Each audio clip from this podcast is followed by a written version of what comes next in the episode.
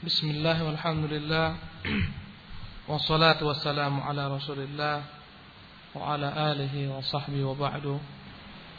قال المصنف رحمه الله وعن أبي سعيد الخدري رضي الله عنه أن رسول الله صلى الله عليه وسلم قال لا تبيع الذهب بالذهب إلا مثل لمثل ولا تشف بعضها على بعد ولا تبيع الورق الورق بالورق إلا مثلا لمثل ولا تشف بعضها على بعض ولا تبيع منها غائبا لناجز. متفق عليه. ini خلاص. أخرت إذن يا أخي. حديث جابر بن عبد الله. نهى عن بيع الصبرة نهى رسول الله عن بيع الصبرة من التمر. نعم. الحديث يعني رقم 713 اقرأ أخي. بسم الله. وعن جابر بن عبد الله رضي الله عنه رضي الله عنهما قال نهى رسول الله صلى الله عليه وسلم عن بيع السبرة من التمر التي لا يعلم لا يعلم مكيلها بالكيل المسمى من التمر. رواه مسلم. فعله. وعن معمر بن عبد الله رضي الله عنه قال إني كنت أسمع رسول الله صلى الله عليه وسلم يقول الطعام بالطعام مثلا بمثل وكان طعامنا يومئذ شعير الشعير رواه مسلم. وعن جابر بن عبد الله رضي الله عنهما قال نهى رسول الله صلى الله عليه وسلم عن بيع الصبرة من التمر التي لا يعلم مكيلها بالكيل المسمى من التمر رواه مسلم. dari Jabir bin Abdullah radhiyallahu anhuma dia berkata Rasulullah sallallahu alaihi wasallam melarang dari menjual tumpukan daripada kurma yang belum diketahui berapa sukatannya dengan kurma yang telah diketahui berapa sukatannya. Rawahu muslim. Wa an ma'mar bin abdullah radhiyallahu anhu qal dari Ma'mar bin Abdullah semoga Allah meridainya berkata inni kuntu asma'u Rasulullah sallallahu alaihi wasallam yaqulu at-ta'amu bit-ta'ami mithlan bimithlin وكان طعامنا يومئذ الشعير رواه مسلم dan dari Ma'mar bin Abdullah radhiyallahu anhu dia berkata sesungguhnya aku mendengar Rasulullah SAW bersabda makanan dengan makanan haruslah sama sama timbangannya atau sukatannya atau jenisnya wa kana ta'amuna yawma idin asy'ir dan adalah makanan kami pada waktu pada waktu itu adalah gandum. Gandum merah. Rawahu muslim. Ikhwani al-kiram rahimanillah wa iyyakum ajma'in. Kita masih dalam penjelasan tentang bab riba. Kita telah jelaskan jenis-jenis riba. Ada riba yang namanya riba fadl Riba fadl adalah pertukaran jenis tertentu daripada yakni apa-apa yang ditetapkan dalam agama ini yang pertukarannya berbeda dari sisi banyaknya baik merupa sukatan ataupun timbangan. Sebagaimana pertukaran antara emas dengan emas yang berbeda timbangannya atau beratnya atau perak dengan perak ataupun gandum dengan gandum ataupun kurma dengan kurma garam dengan garam yang berbeda namanya riba fadl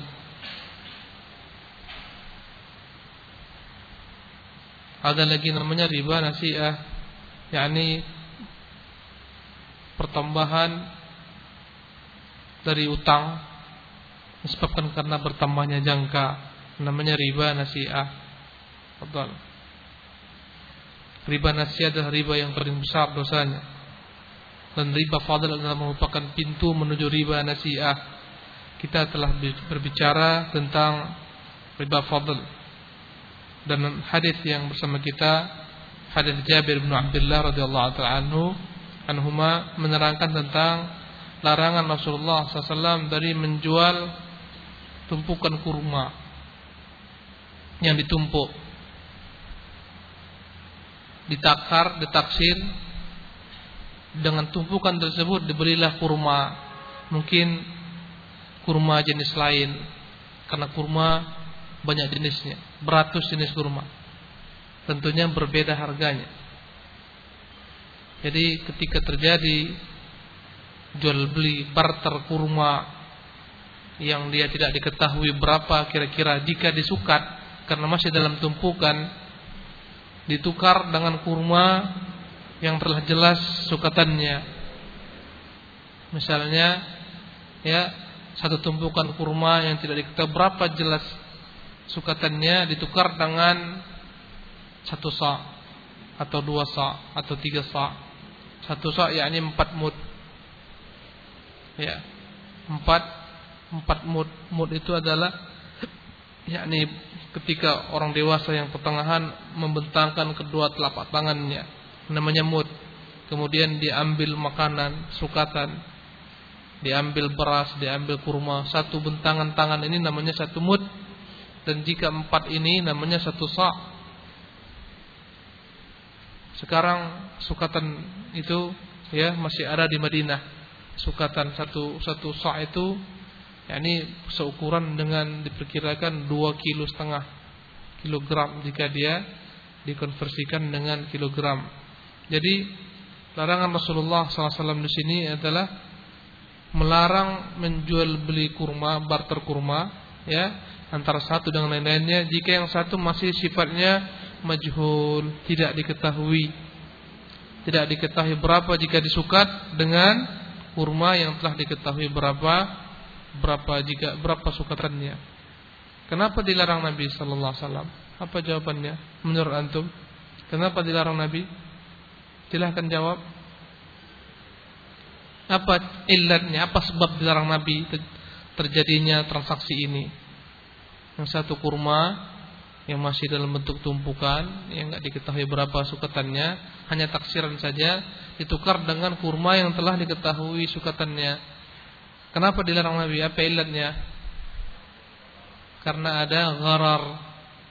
Kita sebutkan bahwasanya di antara sebab dilarangnya jual beli karena ada konsep goror, nggak jelas.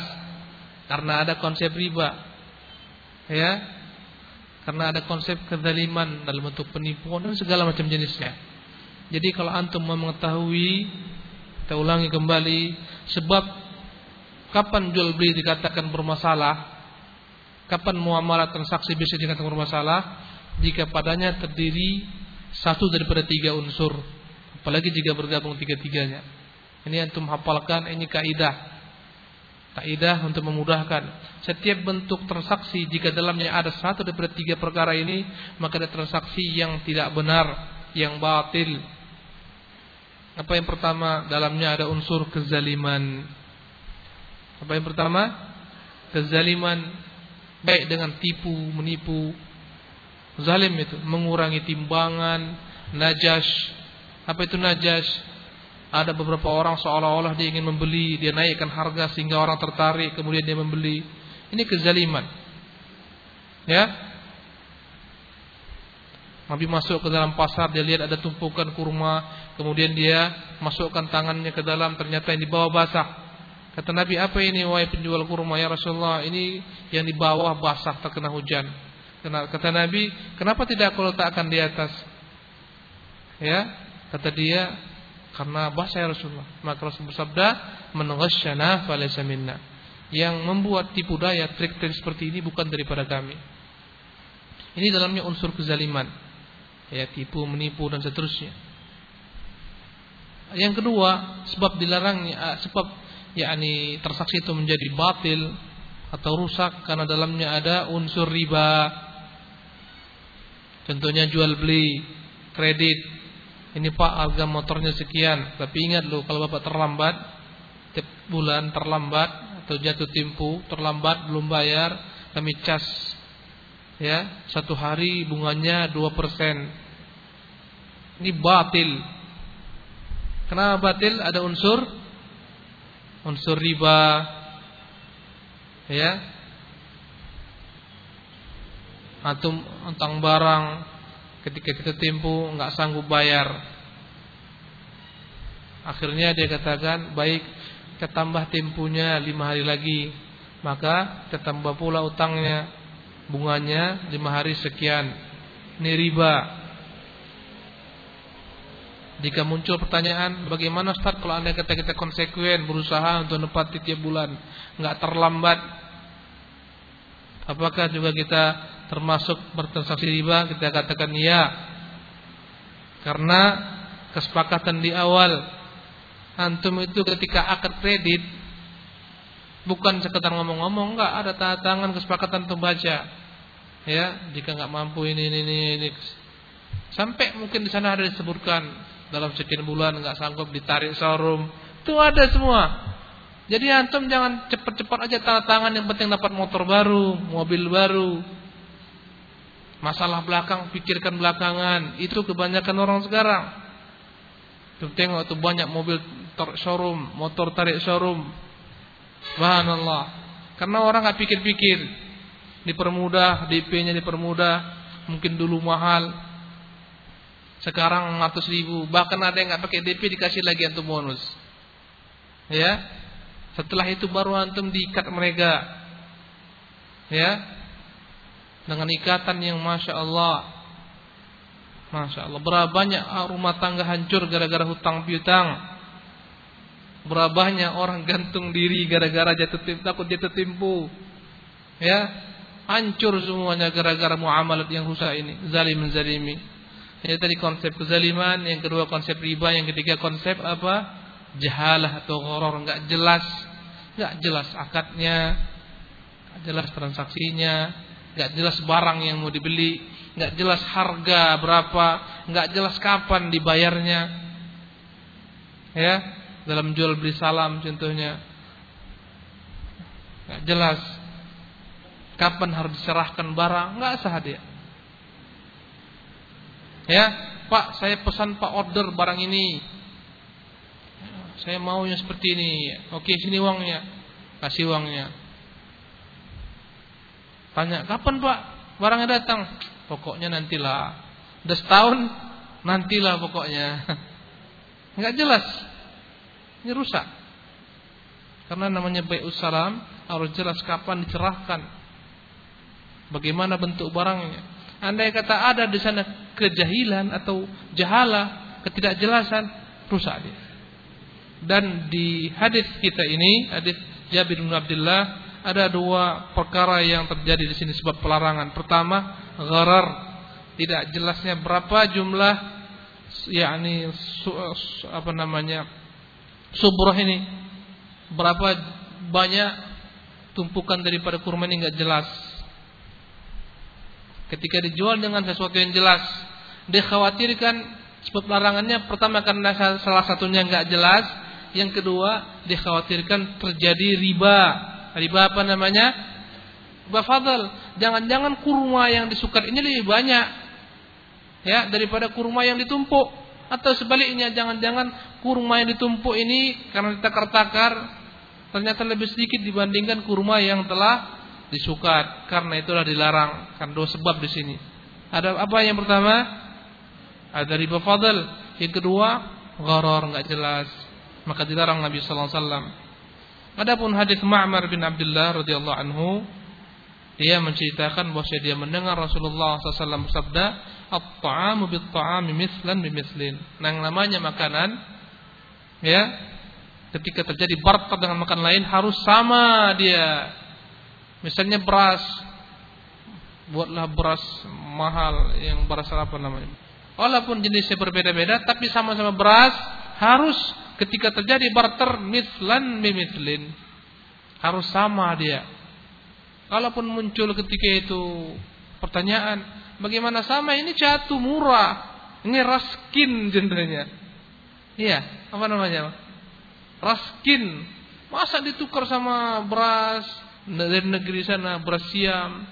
Satu goni dengan satu goni. Ini enggak fair, Pak. Ini harus tiga goni raskin ini dengan satu goni. Kita katakan enggak peduli. Jika itu terjadi maka riba, riba fadl. Bagaimana caranya Ustaz? Caranya kau jual dulu yang tiga goni itu. Tukarkan dulu dia menjadi uang. Jual dia dulu. Ketika kau terima uang baru kau beli. Dengan uang tersebut satu goni, dua goni silakan. Agar terhindar daripada riba fadl karena telah berubah uang jenisnya berbeda. Ya, yang berbeda. Uang ini adalah merupakan ya ini apa namanya?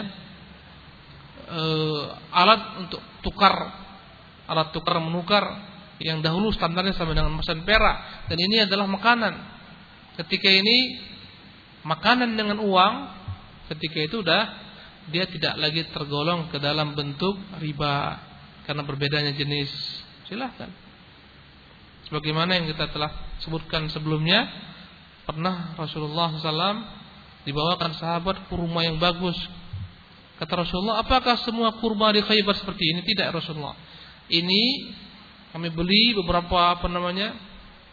Beberapa kami barter kurma ini yang jumlahnya sekian dengan kurma-kurma yang jelek. Kata Nabi jangan buat jelek yang kurma-kurma yang jelek itu kalian jual dulu baru baru beli seperti ini. Tukar dia dulu dengan dirham atau dinar. Maka antum jual, jual dulu beras tadi yang tiga goni tadi jual, baru beli setelah itu. Ya, inilah namanya riba fadl. Dan telah kita sepakati bahwasanya masuk dari yang dimaksudkan dengan makan di sini adalah makanan pokok yang menjadi sendi kehidupan manusia yang dia sifatnya bisa ditimbang, bisa disukat dan bisa disimpan. Itu harus bedakan antara ditimbang dengan disukat ya. Timbangan ada dia seperti gram itu timbangan sukat dengan takaran satu gantang, satu mut atau apa namanya itu namanya sukat. Makanan pokok dia yang terjadi dalamnya riba fadl adalah makanan pokok yang ciri-cirinya disuka, ditimbang. Bahasa Arabnya mauzun, makil, muqtad bisa disimpan. Ya. Itu yang terjadi padanya riba fadl yang enggak boleh diperjualbelikan kecuali harus sama garam dengan garam. Bagaimana jika daging menjadi makanan pokok?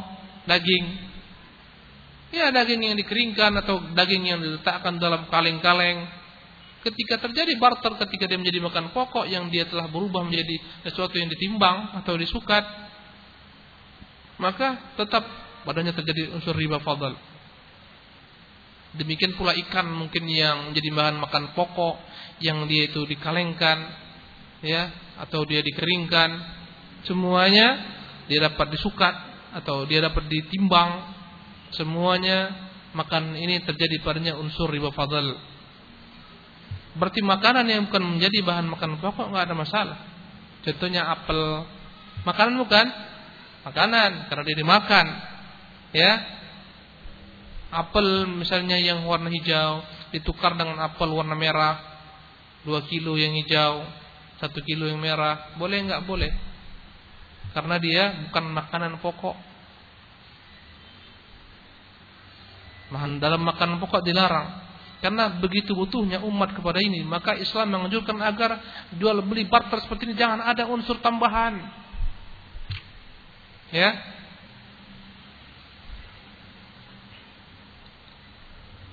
Wa kana ta'amuna yawma idzin asy dan adalah makan kami ketika itu adalah asy gandum.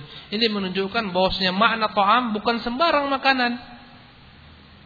Bukan sembarang makanan kue-kue yang ringan itu atau kue-kue basah itu bukan maksudnya to'am. Ya. Bulu pandan dan temuat tukar dengan uh, ika ambon. Contohnya kan? Apakah dia harus sama beratnya enggak? Silahkan. Ini bukan makanan. Dalam pengertian bukan makanan pokok. Nah, inilah dia yang berkaitan dengan kedua hadis ini Allah taala alam. Kita lanjutkan. Fadal iqra. An Qadalah bin Ubaid radhiyallahu anhu qala ishtaraitu yawma Khaybar kiladatan bisnai asyara dinaran fiha zahabun wa kharazun wa kharazun fafasalat fafasaltuha فوجدت فيها أكثر من اثني عشر دينارا فذكرت ذلك للنبي صلى الله عليه وسلم فقال لا تباع حتى تفصل. رواه مسلم. نعم. وعن فضالة ابن عبيد رضي الله عنه قال اشتريت يوم خيبر قلادة باثنى باثني عشر دينارا. فيها ذهب وخرز ففصلتها فوجدت فيها أكثر من اثني عشر دينارا فذكرت ذلك للنبي صلى الله عليه وسلم فقال لا تباع حتى تفصل رواه مسلم dari Fudalah bin Ubaid radhiyallahu anhu berkata Aku telah membeli pada waktu perang Khaybar qiladatan kalung atau rantai bisna bisnai asyara dinara dengan harga 12 dinar mata uang emas dan memang betul-betul emas ingat sekarang aja mungkin nanti nggak kenal lagi namanya mata emas, mata uang emas. Dulu nenek moyang kita pergi haji memang masih benggol emas dan sekarang masih ada. Mungkin sebagian orang tua kita masih menyimpan dinar-dinar itu. Maksudnya adalah uang benar-benar benggolan emas dan mereka bertukar beli dengannya. Perak dan emas. Perak dirham, emas dinar. Sekarang Enggak ada lagi perak, enggak ada lagi emas, yang ada kertas itulah yang berharga dia. Subhanallah. Jadi kata Fudalah bin Ubaid, aku pernah membeli pada waktu perang Khaybar qiladatan, rantai dengan harga ithnai asyara dinar, 12 dinar, 12 keping uang emas.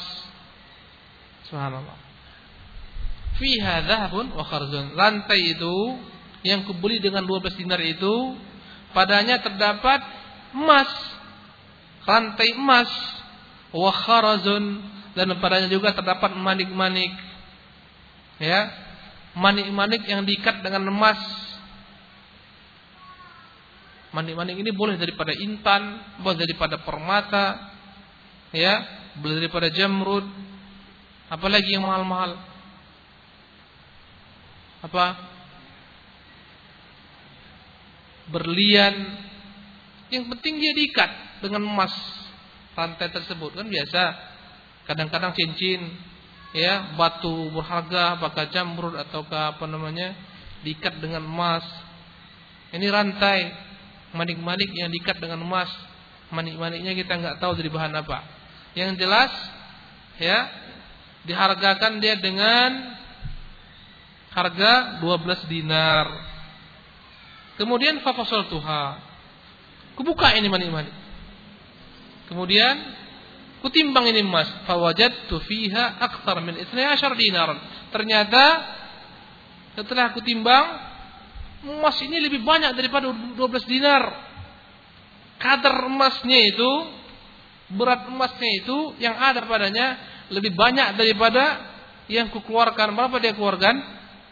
12 dinar ya fadzakartu dzalika lin nabiy sallallahu alaihi kusebutkan peristiwa itu subhanallah ini menunjukkan betapa para sahabat itu ingin yang halal dalam berjual beli ini untung apa rugi dia ini untung dia tanya kalau kita yang penting untung caranya apa pun juga terserahlah nantilah itu masalahnya penting untung dulu dia nggak mau seperti itu ya dan ini ikhwan kita melihat bagaimana mereka para sahabat senantiasa mencari ilmu, bertanya kepada Rasulullah perkara-perkara muamalat. Sekarang jarang para pedagang itu bertanya tentang masalah jual beli, masalah riba, jarang. Semua mereka kerjakan. Berapa banyak mereka terjebak dalam riba, terjebak dalam gharar, terjebak dalam kezaliman karena enggak pernah belajar. Padahal Umar kalau dia masuk pasar, dia akan lihat mana pedagang baru. Anda yang kata nampaknya yang baru dia tes. Kalau nggak bisa menjawab, dikeluarkannya. Nggak boleh berjual beli di sini kecuali orang-orang yang tahu tentang berdagang. Kalau tidak, terjebak di dalam riba, menjalimi orang. Kalau antum masuk ke pasar, modal mereka aja dari riba itu. Datang nanti orang-orang itu, Pak, butuh berapa Pak? Tambahan modal. Modalnya dari riba. Subhanallah. Banyak sekali penyimpangan-penyimpangan. Karena itulah berkah pun berkurang. Untuk melihatlah enggak ada keberkahan. Apalagi yang hidupnya dari makan haram, rentenir. Apa pun tingkatnya tadi pada tingkat kampungan, kelas kampung sampai tingkat yang besar, semuanya mereka itu makan haram, enggak ada keberkahan padanya. Walaupun nampak antum dia kaya raya, enggak ada berkahnya itu tersiksa hidupnya. Allah musta'an. Jadi kutanyakan kepada Nabi sallallahu alaihi wasallam perkara ini. Kata Nabi, "La tuba' hatta tusal." Jangan dijual dulu rantai tersebut sampai jelas berapa emasnya, baru silakan ditukar. Rawahu Muslim. Kenapa Rasulullah melarang menjual beli seperti ini? Rantai yang diikat-ikat dengan eh, dengan yakni dengan emas seperti ini dengan 12 dinar. Kenapa Rasul larang untuk dijual rantai ini dengan dengan uang emas? Kenapa larangannya? Karena ada unsur gharar nggak jelas. Coba antum sekarang dalam masalah jual beli emas itu. Itu banyak mereka buat rata-rata yang saya ketahui illa man rahimallah. Kecuali rahmati Allah dan qalilun hum sedikit bahkan mungkin tak berapa persen itu yang tahu itu. Saya rasa nggak jamin saya 2% pun ada itu yang tahu itu. Rata-rata yang jual beli emas terjebak dalam riba fadl. Rata-rata itu. Tukar emas itu dengan tidak senilai dengan barter emas yang tidak sama beratnya. Padahal harus sama dia. Itu riba fadl. Ya, tambah lagi uang. Itu rata-rata maunya dibuat daurah khusus tukang jual emas semua. Belum lagi antum melihat konjul emas. Ini semoga yang mendengarkan kajian ini melalui radio menyampaikan kepada sahabat-sahabatnya, kerabat-kerabatnya, teman dekatnya yang tukang jual emas yang kaya raya, belajar supaya halal hartanya. Kadang antum lihat dia jual salib, naudzubillah min dzalik. Simbol-simbol kekufuran, simbol-simbol kesyirikan. Ditanya, kenapa dijual ini? Ya kita kan nggak pakai. Antum menjadi penyebab kesyirikan terjadi. dan billah, simbol-simbol kesyirikan. Sebagaimana orang yang sebagian menjual khamar, kita dapat di sebagian restoran-restoran muslim menjual khamar, minuman keras, terang-terangan, kedai-kedai muslim. Allah musta'an. Sebagian mereka mengatakan kami ada kami bersandingkan sara katanya mereka. Salah bersandingkan kitabullah eh di kedai-kedainya jual khamar, minuman keras. Nauzubillah min dzalik. Ketika ditanya, kami enggak konsumsi, kami hanya jual aja. Sama aja. Dengan itulah terjadi kemaksiatan. Maka sampaikan kepada mereka semua bahwasanya mereka wajib belajar tentang masalah jual beli yang berkaitan dengan bisnis mereka agar tidak terjebak ke dalam riba Riba fadl paling banyak diperbuat oleh mereka karena tidak tahu.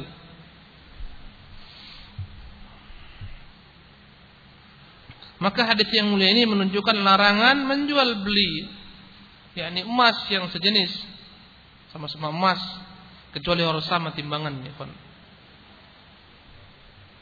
Kalau anda kata muncul pertanyaan, bagaimana jika emasnya berbeda karatnya? Ini 24 karat murni dia, ini 12 karat.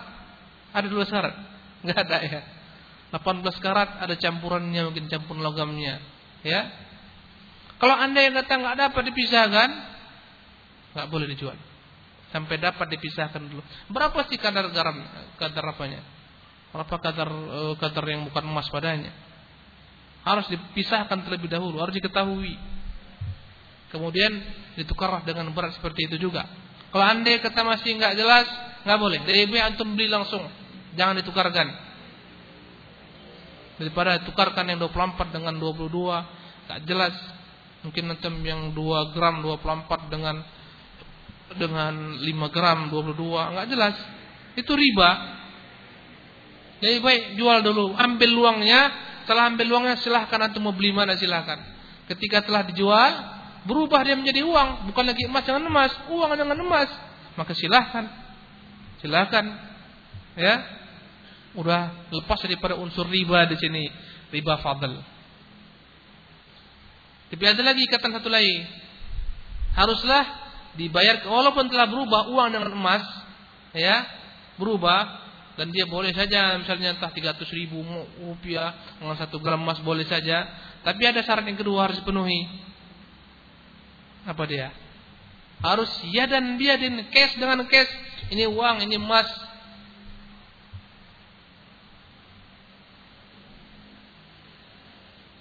Nggak boleh antum datang pak saya mau emas ini. Ya berapa harganya 300 ribu oke bulan depan saya bayar nggak bisa kalau anda kata utang emas, bayar emas. Bilang, Pak, saya mau utang emas ini 10 gram. Nanti saya ganti dengan 10 gram juga bulan depannya. Boleh? Boleh. Ingat kaidahnya itu. Kaidah riba fadl dia harus sejenis. Kemudian harus cash dengan cash. Anda kata berbeda jenisnya, boleh dijual dengan Tentunya timbangan beda, tapi dengan syarat harus cash dengan cash. Masuk kita jenis ini adalah jenis-jenis yang dikhususkan terjadi padanya riba fadl. Bukan semua jenis barang. Ingat selalu. Kalau mobil dengan mobil silakan lima mobil yang ini. Ya yang tahun tua dan satu mobil baru silakan aja. Karena dia bukan jenis barang yang terjadi padanya riba. Apa itu barang terjadi padanya riba fadl? Kata Nabi, "Adzhabu bidzahab", emas dengan emas, perak dengan perak. Kemudian eh, tamak kurma dengan kurma, gandum dengan gandum, garam dengan garam. Semuanya harus dijual dengan mislan bimislin, sama beratnya. Ya dan biarin cash dengan cash. Kata Nabi SAW. Kemudian ulama mengkiaskan kepada semua yang merupakan bahan makanan pokok ataupun yang dia menjadi nilai tegaknya kehidupan seperti uang dikiaskan dengan emas dan perak. Semuanya terjadi padanya riba fadl harus sama. Nggak boleh seribu perak ya ditukarkan dengan 900 perak dalam bentuk pecahan-pecahan. Uang 100 rupiah dibuat jadi 9 ditukar dengan 1000 rupiah. Nggak boleh riba dahulu kala orang telepon itu ketika belum ada handphone pakai koin kalau anda kata antum tukarkan ke toko, kadang-kadang ngantri panjang. Ada orang yang jual-jual 900 rupiah dengan 1000 rupiah. Antum kasih 1000 dia beli 9 biji benggol seharga 900 ini riba, nggak boleh. Jadi ikhwan, hadis ini adalah larangan terhadap riba fadl. Barang siapa yang menambah, maka dia telah membuka pintu riba. Jadi harus dijelaskan dulu berapa dia. Ya. Berapa berapa berapa sebenarnya emas ini ketika dipisahkan. Setelah diketahui barulah barter dengan yang sama beratnya. Wa Abdullah ibni Amr ibn al-As radhiyallahu anhuma anna an-nabiy sallallahu alaihi wasallam amarahu an fa nafadatil ibil فأمره أن يأخذ على قلائد الصدقة قال فكنت آخذ البعير بالبعيرين إلى إبل الصدقة رواه الحاكم والبيهقي ورجاله ثقات وعن سمرة بن جندب رضي الله عنه أن النبي صلى الله عليه وسلم نهى عن بيع الحيوان بالحيوان نسيئة rawahul khamsah wa sahah wa tirmidhi wa jarud. Dari Samurah bin Jundub radhiyallahu anhu bahwasanya Nabi sallallahu alaihi wasallam melarang menjual hewan yang sejenis ya barter hewan dengan hewan tetapi yang satu dibayar di belakang. Antum beli satu ekor unta tentunya tapi nggak kasihkan uang cash janjinya bulan depan aku bayar seperti ini juga untanya. Ini namanya apa? Jual beli hewan dengan sistem kredit. Tapi bukan uang, hewan jangan hewan. Antum beli lihat kuda bagus tertarik, akhirnya antum perlu ketika itu memang pakai kuda yang seperti itu. Antum belilah, tapi belinya nanti dibayar bulan depan dengan kuda yang semisalnya. Maka dari hadis Samurah ini Nabi melarang jual beli seperti ini. Padahal tadi kita telah jelaskan bahwasanya andai kata terjadi jual beli yang sifatnya satu oh, dibayar di belakang. Kalau andai kata dia bukan termasuk dalam bentuk yakni benda-benda yang terjadi padanya riba fadal dibolehkan. Tapi seolah-olah ini melarang. Maka hadis ini ikhwan rahimakumullah ya dimerjuhkan, dilemahkan oleh para ulama karena bertentangan dengan hadis yang berikutnya. Apa hadis berikutnya? Hadis dari Abdullah bin Amr bin As radhiyallahu anhuma, anna an-nabiy sallallahu alaihi wasallam amarahu an yujahhiz jayshan dari Abdullah bin Amr bin As radhiyallahu anhu bahwasanya Nabi sallallahu alaihi wasallam memerintahkan dia yakni Abdullah agar mempersiapkan pasukan untuk peperangan. Fanafidatil ibil ternyata habislah unta-unta menjadi tunggangan dalam berperang. Habis disiapkan untuk peperangan ternyata nggak cukup personil pasukan masih banyak untanya dan ada lagi untuk berperang. Fa'amarahu an ya'khudha ala qala'is sadaqah. Maka Rasulullah perintahkan Abdullah bin bin Amr bin As untuk meminjam terlebih dahulu, mengambil terlebih dahulu unta-unta qala'is artinya unta yang sempurna, muda, ya. Sejak dia dapat ditunggangi sampai berusia 9 tahun, itu namanya qala'is. Dia siap ditunggangi dan dia masih kuat. Kata maka Rasulullah perintahkan Abdullah bin Amr bin As untuk pergi dulu ke tempat apa namanya? unta-unta zakat. Diambilnya daripada unta-unta tersebut yang sifatnya adalah qalais, artinya yang masih muda, yang siap ditunggangi, kemudian untuk dibawa berperang. Berarti dipinjam kan? Pinjam. Pinjam dulu. Tapi nanti ketika dibalikkan bukan unta itu lagi. Jadi enggak enggak layak jika disebutkan ini pinjam, tapi sebenarnya apa? Dibeli. Ya kan? Barter tapi bukan dengan uang. Bayarnya dengan unta juga. Fakuntu qala berkata Abdullah bin Amr bin As, fakuntu akhudhul ba'ira bil ba'iraini ila ibil sadaqah. Maka aku mengambil satu unta Kelak aku bayar dengan dua unta. Subhanallah. Diambil unta satu dari unta sedekah, kelak ketika dapat harta rampasan perang dapat unta diganti dengan dua unta.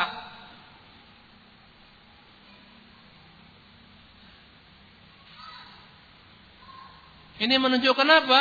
Menunjukkan perkara ini tidak mengapa. Seharusnya kalau anda kata digolongkan unta ke dalam bentuk yakni harta-harta yang terjadi pada riba fadl, enggak boleh satu bayar dua. Seharusnya satu bayar satu. Ini enggak satu unta dipinjam, diambil, digunakan untuk berperang. Setelah itu ketika dapat daripada harta rampasan perang dikembalikan oleh Abdullah bin Amr bin As dengan dua ekor unta. Ini adalah merupakan hadis yang menyelisihi hadis sebelumnya larangan untuk menjual beli uh, hewan dalam bentuk nasiah. Hewan di depan dibayar belakangan nggak boleh kata dia. Baik sama sama-sama bilangan satu hewan atau satu dibayar dua nggak boleh menurut hadis sebelumnya. Karena itulah berselisih para ulama dalam perkara ini. Tetapi jumhur ulama mereka merojihkan hadis Abdullah bin Amr bin As. Ini yang lebih rajih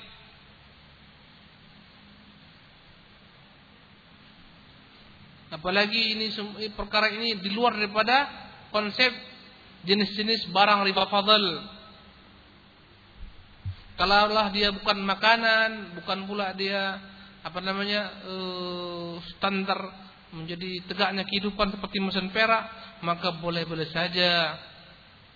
Ya, baik ditukar cash langsung satu unta dengan dua unta boleh, atau ditukar satu unta dibayar dua unta belakangan, boleh-boleh saja. Maka semua harta benda yang bukan termasuk dalam jenis riba fadl boleh dibuat seperti ini. Ya, satu motor yang baru dengan dua motor yang lama boleh-boleh saja. Baik satu motor itu antum yakni ambil sekarang dibayar nanti dengan tiga motor yang lama atau langsung cash dengan cash. Tiga motor dengan satu motor boleh-boleh saja. Menurut pemahaman hadis ini. Hadis ini syaratnya benar, kawi, kuat.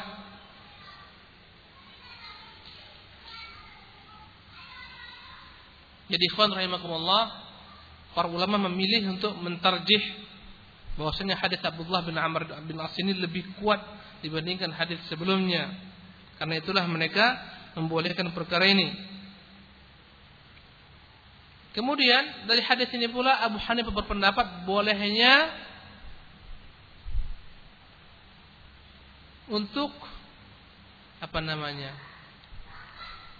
menahan sebentar harta zakat dan langsung dikeluarkan, ditahan. Ya.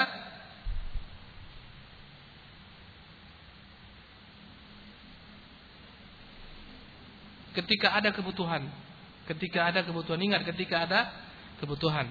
Abu Hanifah membolehkan. Dari mana sekarang dari hadis ini? Seharusnya yang namanya harta zakat harus langsung dibagikan. Jika itu, jika itu ternak, tentunya dijual oleh penguasa. Itu uangnya boleh diberikan kepada yang berhak. Delapan asnaf. Jika itu zakat. Maka kata Abu Hanifah, hadis ini menunjukkan bolehnya menahan saat untuk mengeluarkan zakat harta jika terdapat padanya hajat kebutuhan seperti pada kondisi ini pada peperangan nggak ada kecuali harta zakat itu yang mau dipakai maka itu dulu dipakai nanti diganti. Tapi ingat ketika apa? Hajat.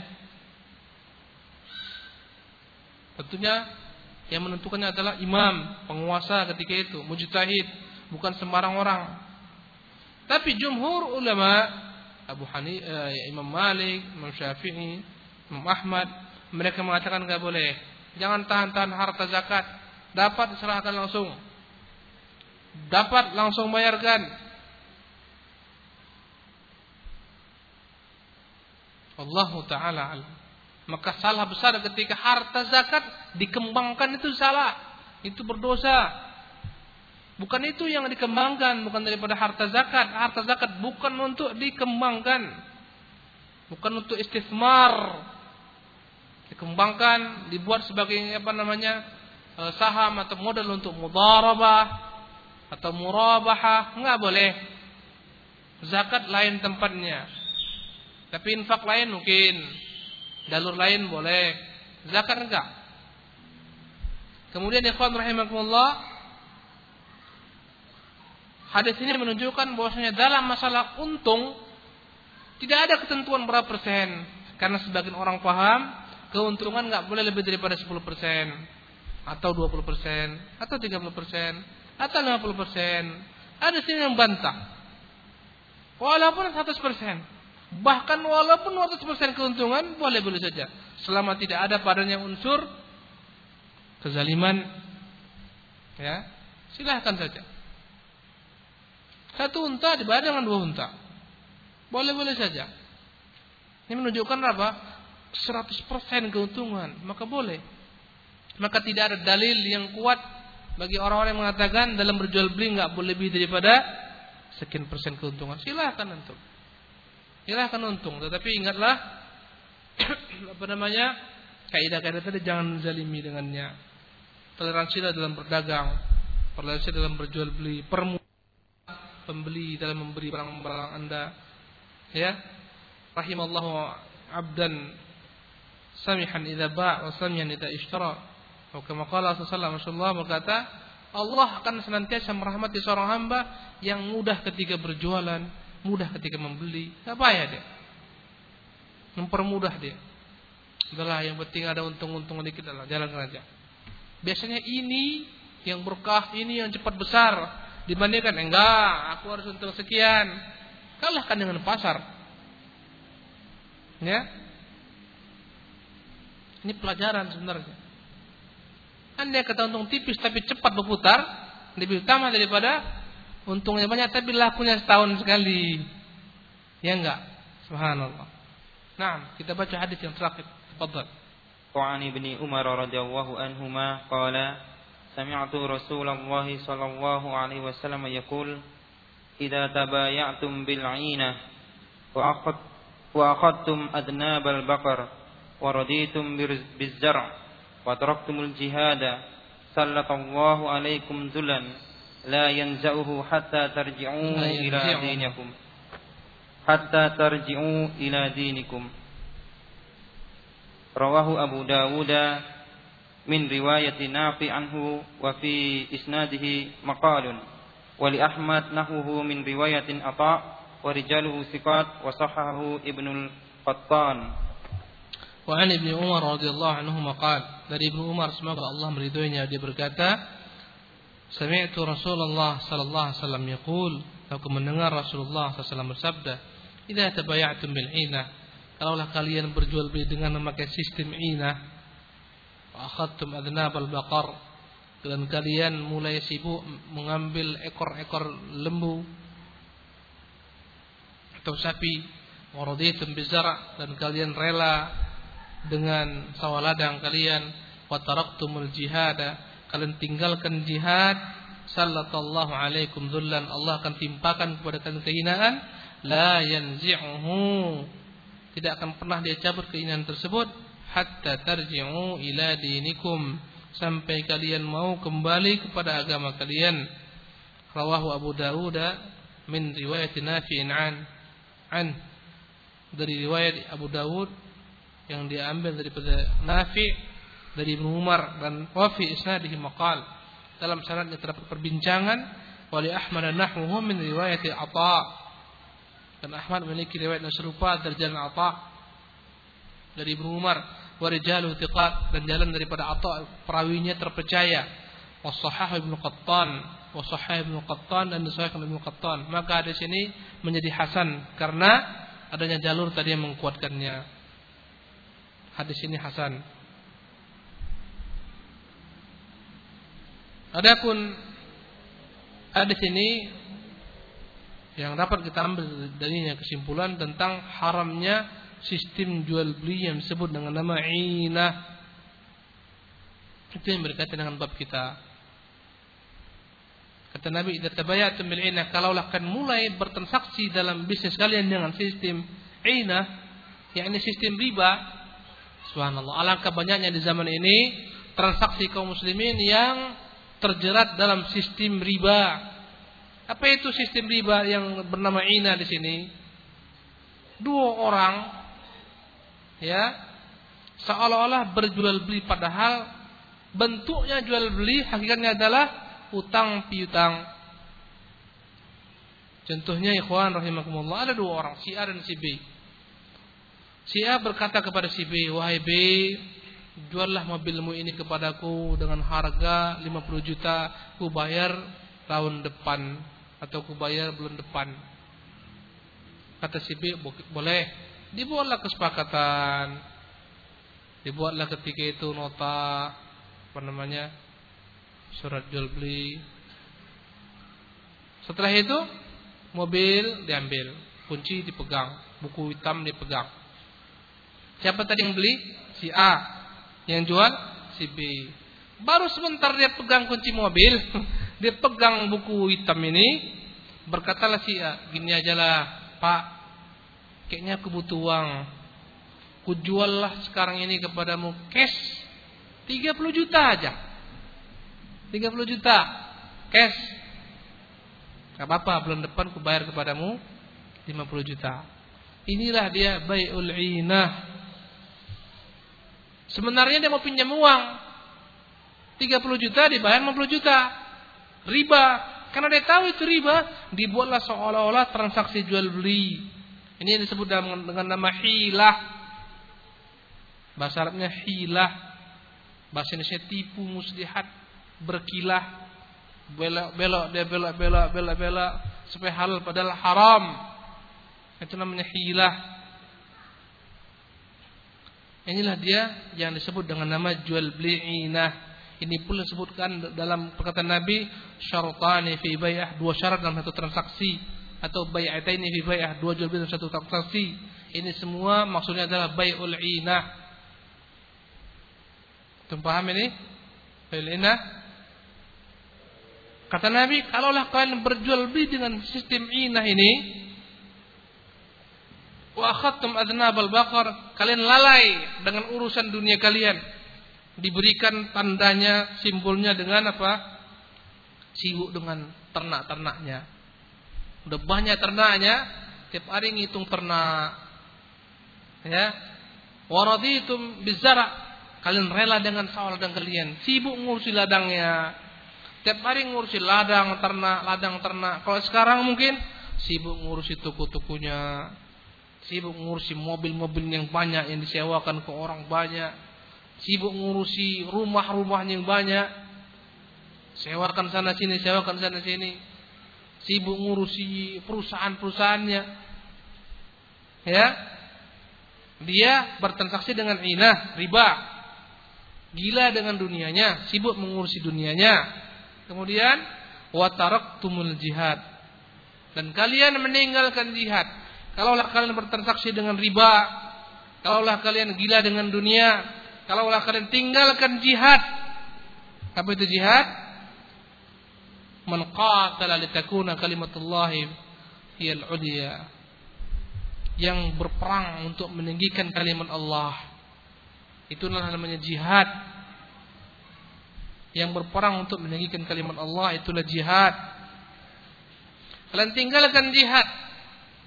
Kenapa ditinggalkan jihad? Karena takut mati. Apa tanda takut mati? Gila dengan dunia. Kalau dunianya dimakmurkan, rasanya berat meninggalkan dunia itu. Kenapa? Udah capek aku mengumpulkan harta sebegini banyak. Bagaimana aku tak tidak menikmatinya? Bagaimana aku akan mati?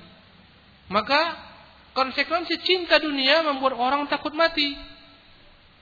Kalau anda yang kata cinta dunia takut mati, hilanglah ketika itu agama.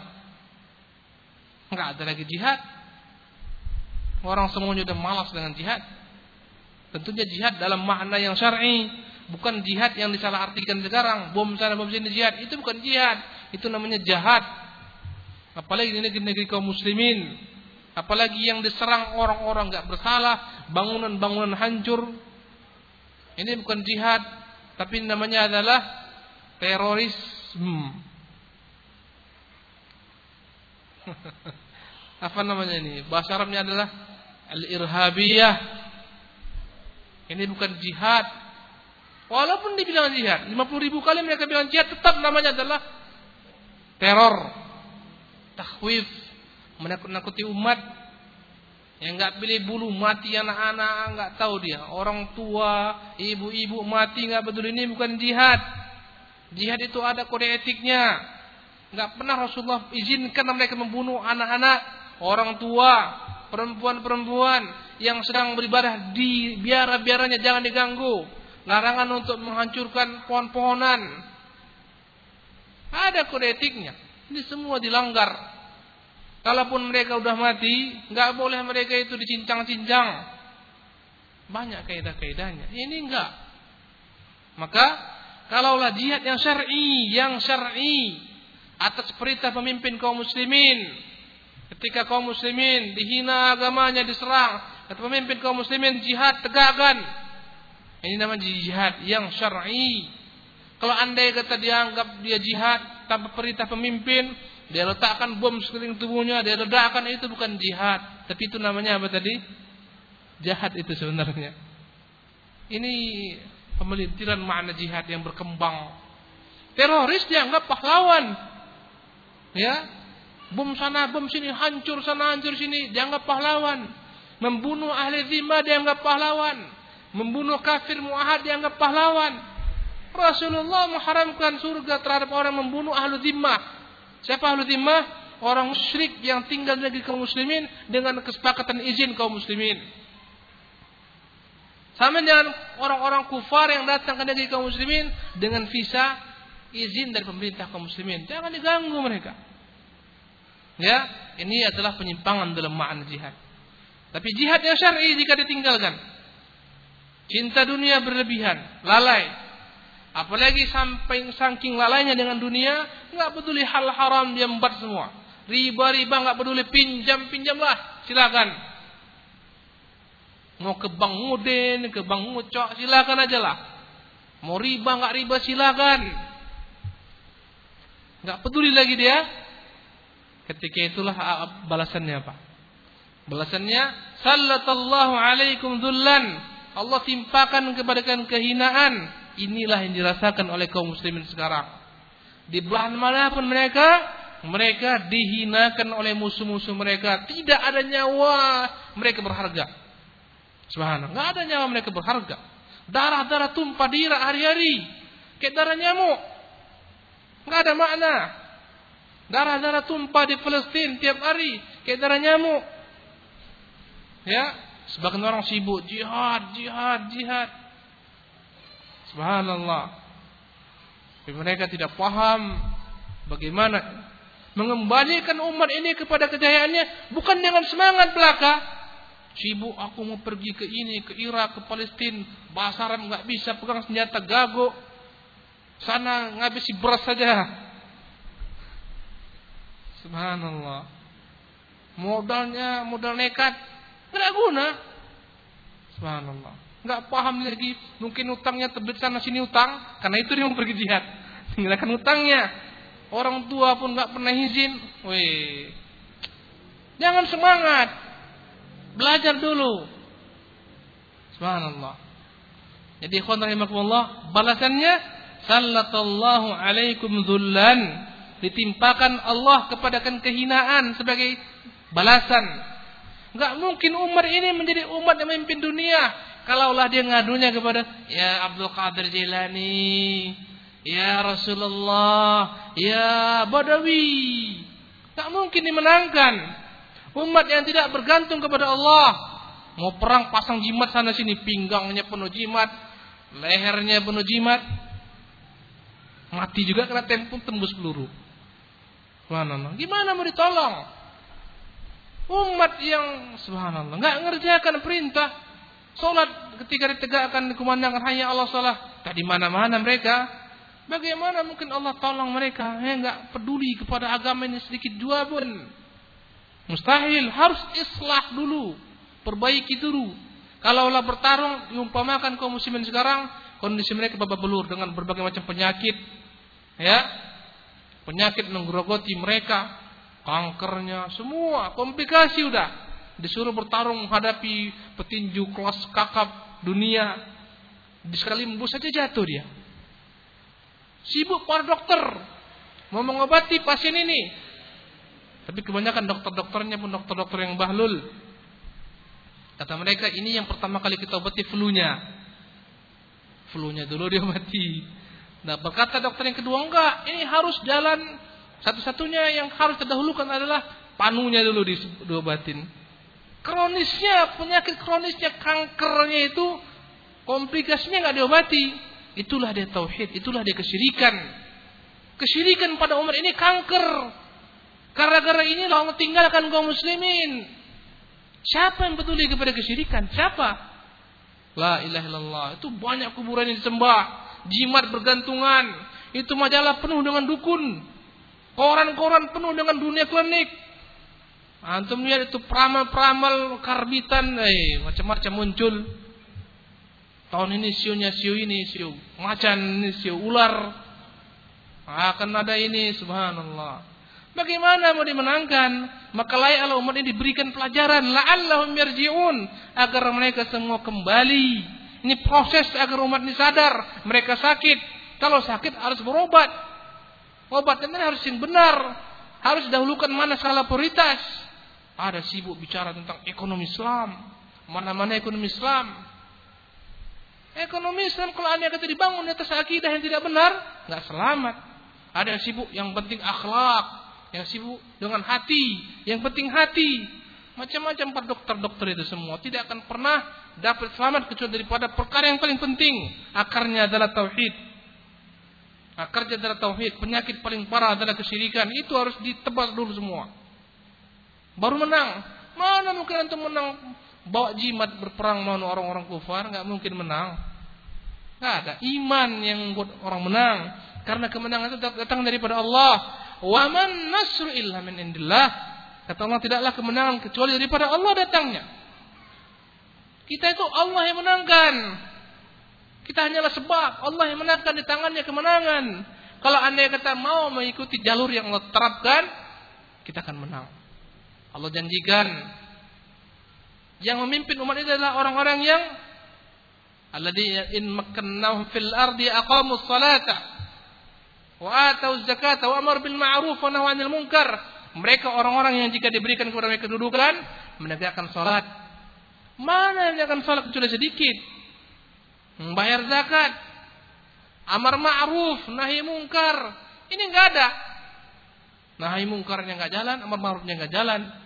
Tersebar di mana-mana kemaksiatan, kefasikan, kesyirikan, bid'ah. Maka enggak mungkin memimpin, sabar. Ya, sabar dulu om. Obati dulu diri kita. Jangan sibuk dengan perkara-perkara yang dia bukan tujuan. Ada yang sibuk dengan khilafah, bangun tidur dia khilafah, bangun tidur khilafah, mimpinya khilafah. Tapi dia nggak tahu itu bukan tujuan. Tanpa khilafah pun Ibrahim alaihissalam tetap dipindahkan berdakwah. Khilafah adalah merupakan hasil daripada iman dan nama saleh, bukan tujuan. Ada yang punya pendapat nggak boleh negara-negara ini berpecah-pecah seperti ini. Harus satu pemerintahnya. Itu mimpi, Bung. Sejak pada masa sahabat telah terpecah kaum muslimin dalam bentuk pemerintahan. Satu di Andalus, dinasti Umayyah. Satu di Baghdad, dinasti Abbasiyah. Para ulama masing-masing taat pada masing-masing pemimpin tersebut. Di Andalus taat pada pemimpin mereka. Di Baghdad taat pada pemimpin mereka. Ketika membesar wilayah Baghdad, ya. Kemudian karena nggak bisa menguasai, terbentuklah kerajaan-kerajaan kecil.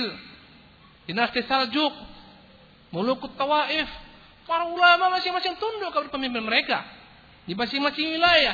Dia bilang nggak boleh ini semua, semuanya harus kita hilangkan. Memang kita katakan ya, anda yang kata dapat disatukan satu pemimpin. Tapi kapan? Mungkinkah sekarang mustahil? Sejak masa Ibnu Umar dan ke bawah telah ada dua khilafah. Masing-masing mengamalkan, masing-masing tunduk pada penguasanya. Sekarang mau dilebus, enggak ada ini semua. Ini semuanya takut. Yang benar adalah khilafah, mimpi di siang bolong. Suruh pun dia, bagaimana cara kau terapkan, enggak pernah bisa menjawabnya. Subhanallah. Jadi ikhwan rahimakumullah, Sallallahu alaikum dullan. Allah timpakan kepada kalian kehinaan la yanzi'uhu. Yang tidak akan dia cabut. Kehinaan tersebut. Hatta tarji'u ila dinikum. Sampai kalian kembali kepada agama kalian. Agama yang mana? Agama yang dibuat-buat? Tidak wallah. Agama yang dibawa Rasulullah. Yang murni daripada bid'ah. Khurafat. Za'balat. Syirkiyat. Itu agama yang Rasulullah yang kata Allah, yang kata Rasulullah, tidak akan dapat kalian dicabut keinginan daripada kalian sampai kembali kepada agama kalian. Agama yang mana? Agama yang dibawa Ahmad Qadiani? Tidak, yang dibawa Ahmad bin Abdullah bin Abdul Muttalib bin Hashim itu yang merupakan agama. Jadi inilah kuncinya kembali kepada agama. Agama itu bukan hanya hudud. Sebagian orang punya persepsi sempit. Yang namanya agama adalah penerapan hak. Mencuri potong tangan. Itu bagian daripada agama. Tidak kita ingkari. Tapi bukanlah dia segalanya. Bukankah tauhid bagian agama. Bahkan itulah fondasi agama. Yang selalu menerangkan dia akan tentang syariat Islam. Syariat Islam. Pahamkah mereka bahwasanya. Di antara bagian syariat Islam yang paling terpenting adalah tauhidullah. Mana mereka yang bergeming hatinya ketika kuburan didatangi, ditawabi, dipinta, dipuja? Mana yang bergeming? Sibuk dengan kata-kata syariat Islam, syariat Islam, syariat Islam. Ini negeri kita ini, ikhwan rahimakumullah, telah ditetapkan syariat Islam. Walaupun tidak secara sempurna, maka butuh dakwah kepada para penguasa kaum muslimin dengan cara yang bijak, dengan cara yang lembut, dengan cara yang hikmah, bukan dengan cara-cara yang tidak benar, menyebarkan aib mereka di mana-mana dan seterusnya. Ini semuanya bertentangan dengan akidah Ahlussunnah wal Jamaah. Demikianlah ikhwan rahimakumullah kajian kita malam hari ini. Dan ini adalah merupakan kunci jawaban bagaimana kaum muslimin kembali meraih kejayaannya ketika mereka kembali kepada agama Rasulullah sallallahu alaihi wasallam. Aqulu qawli hadza wa astaghfirullah li wa lakum wa atubu ilaihi wa sallallahu wa sallam ala nabiyina Muhammadin. Wassalamualaikum warahmatullahi wabarakatuh.